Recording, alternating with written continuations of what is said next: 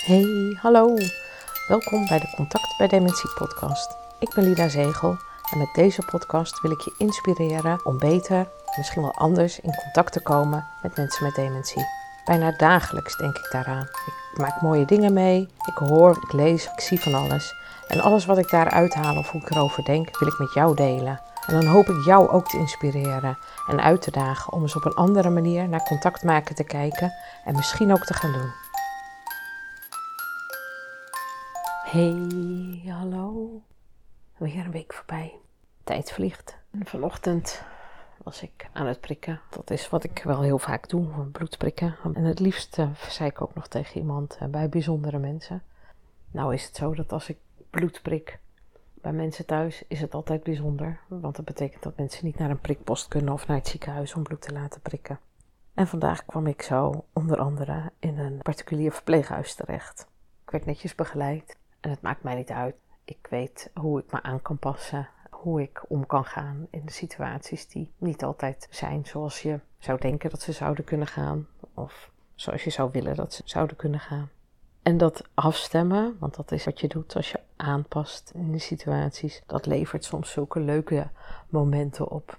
En zo kwam ik bij een, een meneer op de kamer en de verzorgende zei: Redt u het zo alleen? Ik denk het wel hoor, want hij is niet zo moeilijk. Nou, dan ben ik daar niet zo bang voor. Maar het is meer van, nou, wat ontstaat er aan beeldvorming? Wat kan er gebeuren? Nou, ik ben er gelukkig niet bang voor. Dat helpt, denk ik ook, dat het ook ja, eigenlijk altijd wel goed gaat.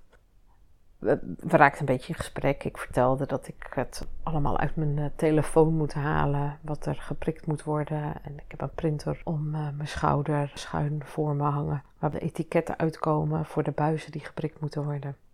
En waarop die meneer zei: Oh ja, of was ik dat vergeten? Ja, ik word een beetje kind. Ja, dat zeiden ze vroeger zo, kind. Zeg, maar wat betekent dat dan? En toen keek hij ondeugend omhoog, toen keek hij me aan, toen zegt hij... Tegen mijn vrouw zeg ik dat ik steeds jonger word, als ze dat tegen me zegt. Ik vond het zo mooi. dus wat betekent kind? Ik kan het meteen invullen, maar ik kan ook zeggen, oh, maar wat betekent dat dan? En die ondeugende blik, tegen mijn vrouw zeg ik dan altijd, ik word steeds jonger. Ik vond dat een mooie manier van benaderen van een haperend brein. Van een brein wat beschadigd is, wat niet meer zo werkt als dat je zou willen. En door die vraag op een volwassen manier te stellen, kreeg ik een heel mooi antwoord. En daar ligt volgens mij ook de kern. Want waar ga je op reageren en hoe reageer je en waarom reageer je zo? Door het zo open mogelijk te houden kun je vragen stellen die op gelijkwaardig niveau zijn. Wat betekent dat, kind? Dat betekent niet kinderachtig. En dat was ook wel mooi dat hij zei: Tegen mevrouw zeg ik dat ik dan steeds jonger word.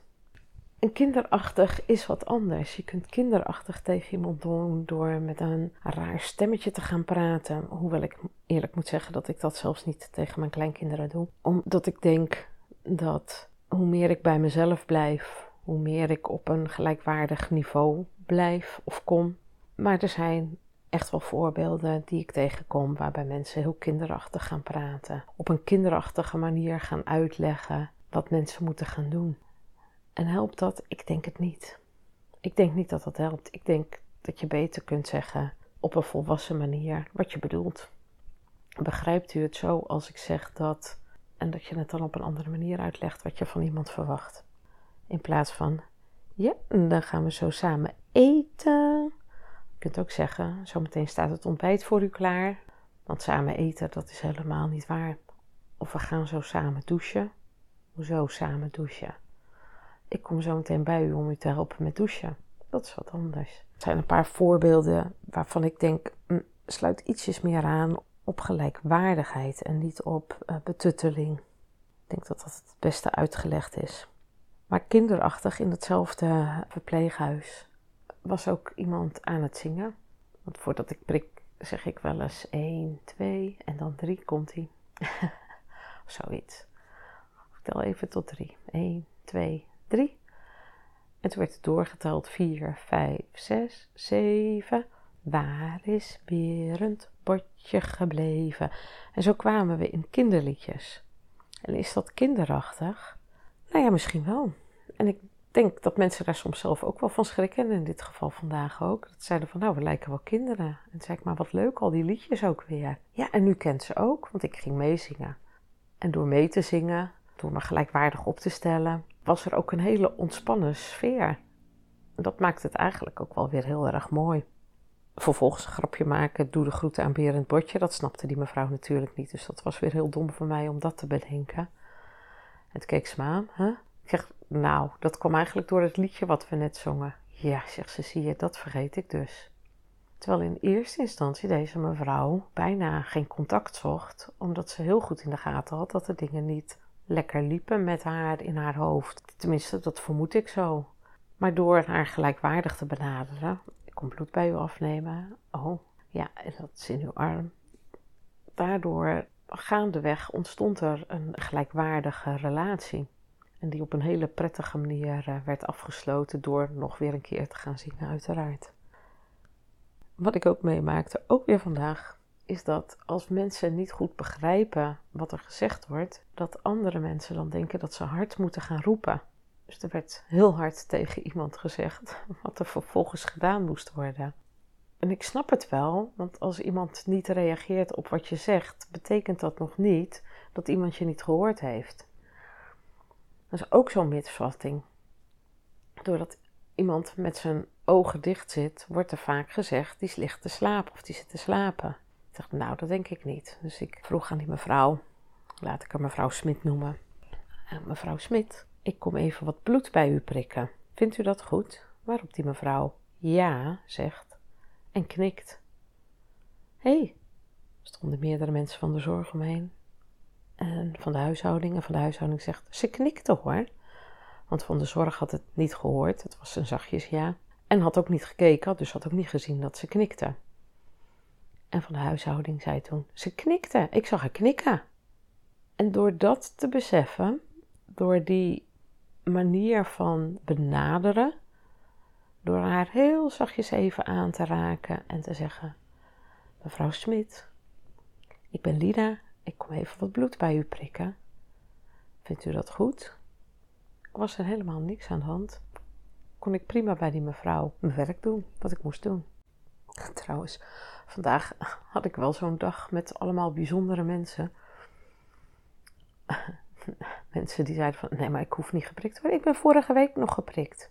Door dan te antwoorden, ik snap dat dat dan best wel veel is, mevrouw. Maar de dokter heeft nu gevraagd of ik nog wat extra's wil prikken. Nou, het is toch wel raar hoor. Ik ben pas nog geprikt. Degene van de zorg die met me meeliep, die zei al van ja, er is twee keer heeft een mevrouw geweigerd om te, geprikt te worden. Dus die mevrouw had ze al apart mee naar haar kamer genomen. En zodat ik haar op haar kamer kon gaan prikken. Volgens de zorg was het ook zo dat de dames elkaar een beetje zaten te versterken door te zeggen van ja, maar we zijn al geprikt. We hoeven niet nog een keer geprikt te worden. Maar door in gesprek te zijn, met deze dame. Oh, u bent wel geprikt. Nou, uitleggen van nou, de dokter wil iets meer weten. Het is altijd fijn als de dokter iets meer kan zien hoe het in uw bloed is. En oh, ik zie vitamine. Hij wil graag weten of u uh, genoeg vitamine heeft. Ik eet iedere dag groente, dus dat zal wel goed zijn. Mooi antwoord. Ik ja, dat zien we aan de buitenkant. Maar hoe het aan de binnenkant in het lichaam gaat, dat weten we niet. En daarom wil de dokter dat ik u prik. Oh, nou. Dan ging ze wel even mee met me. En dan zou ze wel even gaan zitten, want in de serre, dan hoefde ze niet bij alle mensen. En het duurde en het duurde. Waarop degene van de zorg zei, nou, nou, ze neemt wel alle tijd. Ik zeg, ja, dan kunnen we gaan haasten. Dan kunnen we zeggen, nou, u moet nu gaan zitten, u moet nu bloed geprikt worden.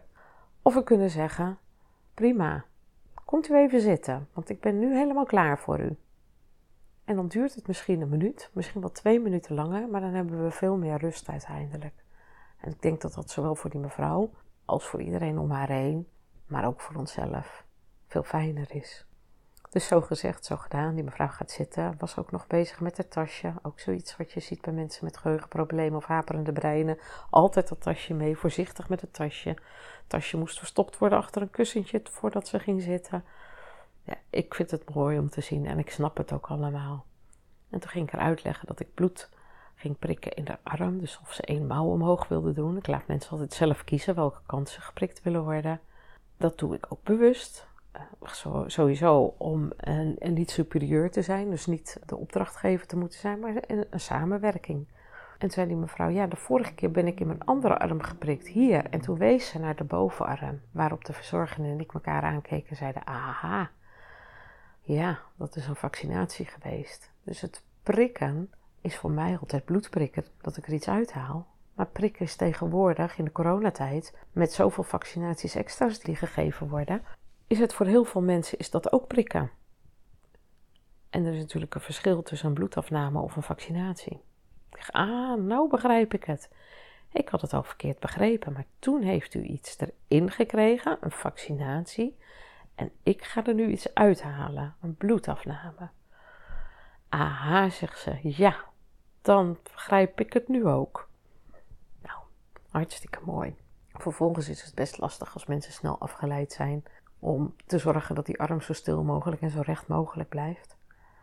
Maar dat deed ze goed en ze luisterde tussendoor en ik moest best wel wat buizen afnemen. Niet dat dat nou zo enorm moeilijk is, maar het kost gewoon wat langer tijd. Dus als je spanningsboog wat korter is, als je wat sneller afgeleid bent of wat sneller klaar wil zijn, dan is dat best lastig. Maar door haar af te leiden, door met haar in gesprek te zijn en, en te zeggen van, oh, au, au, au, zei ze, au, au. Nou, het duurt nog heel eventjes, bijna klaar. En voordat ze me meenam naar die kamer, naar de serre, zei ze ook, oh, wat zijn de rhododendrons toch mooi. Dus ik dacht, nou, ik ben, bijna, ik ben over de helft, ben bijna klaar. Toen zei ik van, oh, die rhododendrons, zijn die nu net aan het bloeien of zijn ze op zijn einde? En toen keek ze me aan. Ja, ja, je probeert me nu af te leiden. en ik schoot verschrikkelijk in de lach ervan. Ik moest er zo om lachen. Ik zeg, dat klopt. Dat probeerde ik inderdaad. dat heeft u heel erg goed door. Maar terwijl dat gebeurde, was ze ook afgeleid door het feit dat zij bij de hand was. En kon ik weer doorgaan. En kon ik uiteindelijk nou heel snel afronden. En toen zei ik, zo, nu is het klaar. Nou al, zegt ze. Ik zeg, ja, was u toch nog afgeleid? nou ja, ik, word daar gewoon heel erg gelukkig van als dat dan lukt. En vervolgens bedank ik zo'n dame ook heel hartelijk voor de samenwerking. Dat we zo fijn hebben samengewerkt. En waarop zij zegt, nou, maar jij hebt het alleen gedaan hoor. Dat, dat lijkt maar zo, maar ik heb u ook nodig. U moet rustig zitten, u moet uw arm stil houden. Anders kan ik het niet doen. Dus ik vind het samenwerken. Daarmee werden we toch uiteindelijk, waren we het wel eens dat het een goede samenwerking was geweest. En dat zijn zulke mooie dingen. Dus afstemmen en aanpassen aan de situatie waar je komt is zo belangrijk. De laatste die ik moest prikken, die wilde helemaal niet geprikt worden. Die zegt, waarom moet ik geprikt worden? En waar word ik eigenlijk voor geprikt? Eris, hematocriet, creatinine. Hey, dat is bijzonder. Iemand uit 35 die zulke termen kent. Dat is mooi. Hij zegt, nou, de huisarts die wil graag wat meer weten hoe het met u gaat. In plaats van dat u zegt goed, wil die ook graag de bloedwaarde weten. Ja, want de huisarts komt volgende week. Ik zeg, nou, dan komt het precies mooi uit dat ik nu, als ik nu bloed kan prikken. Maar ze wilde eigenlijk niet. Of eigenlijk niet. Uh, ze was best wat achterdochtig. Wat ook logisch is met een haperend brein.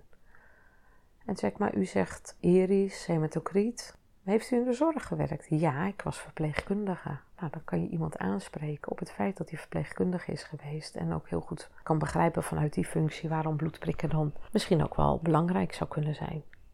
En waarop ze zegt, ja natuurlijk hoor. En we nemen afscheid met een glimlach. En we zijn blij dat we elkaar hebben leren kennen en dat de samenwerking zo goed was. En ja, aanpassen, afstemmen op gelijkwaardigheid.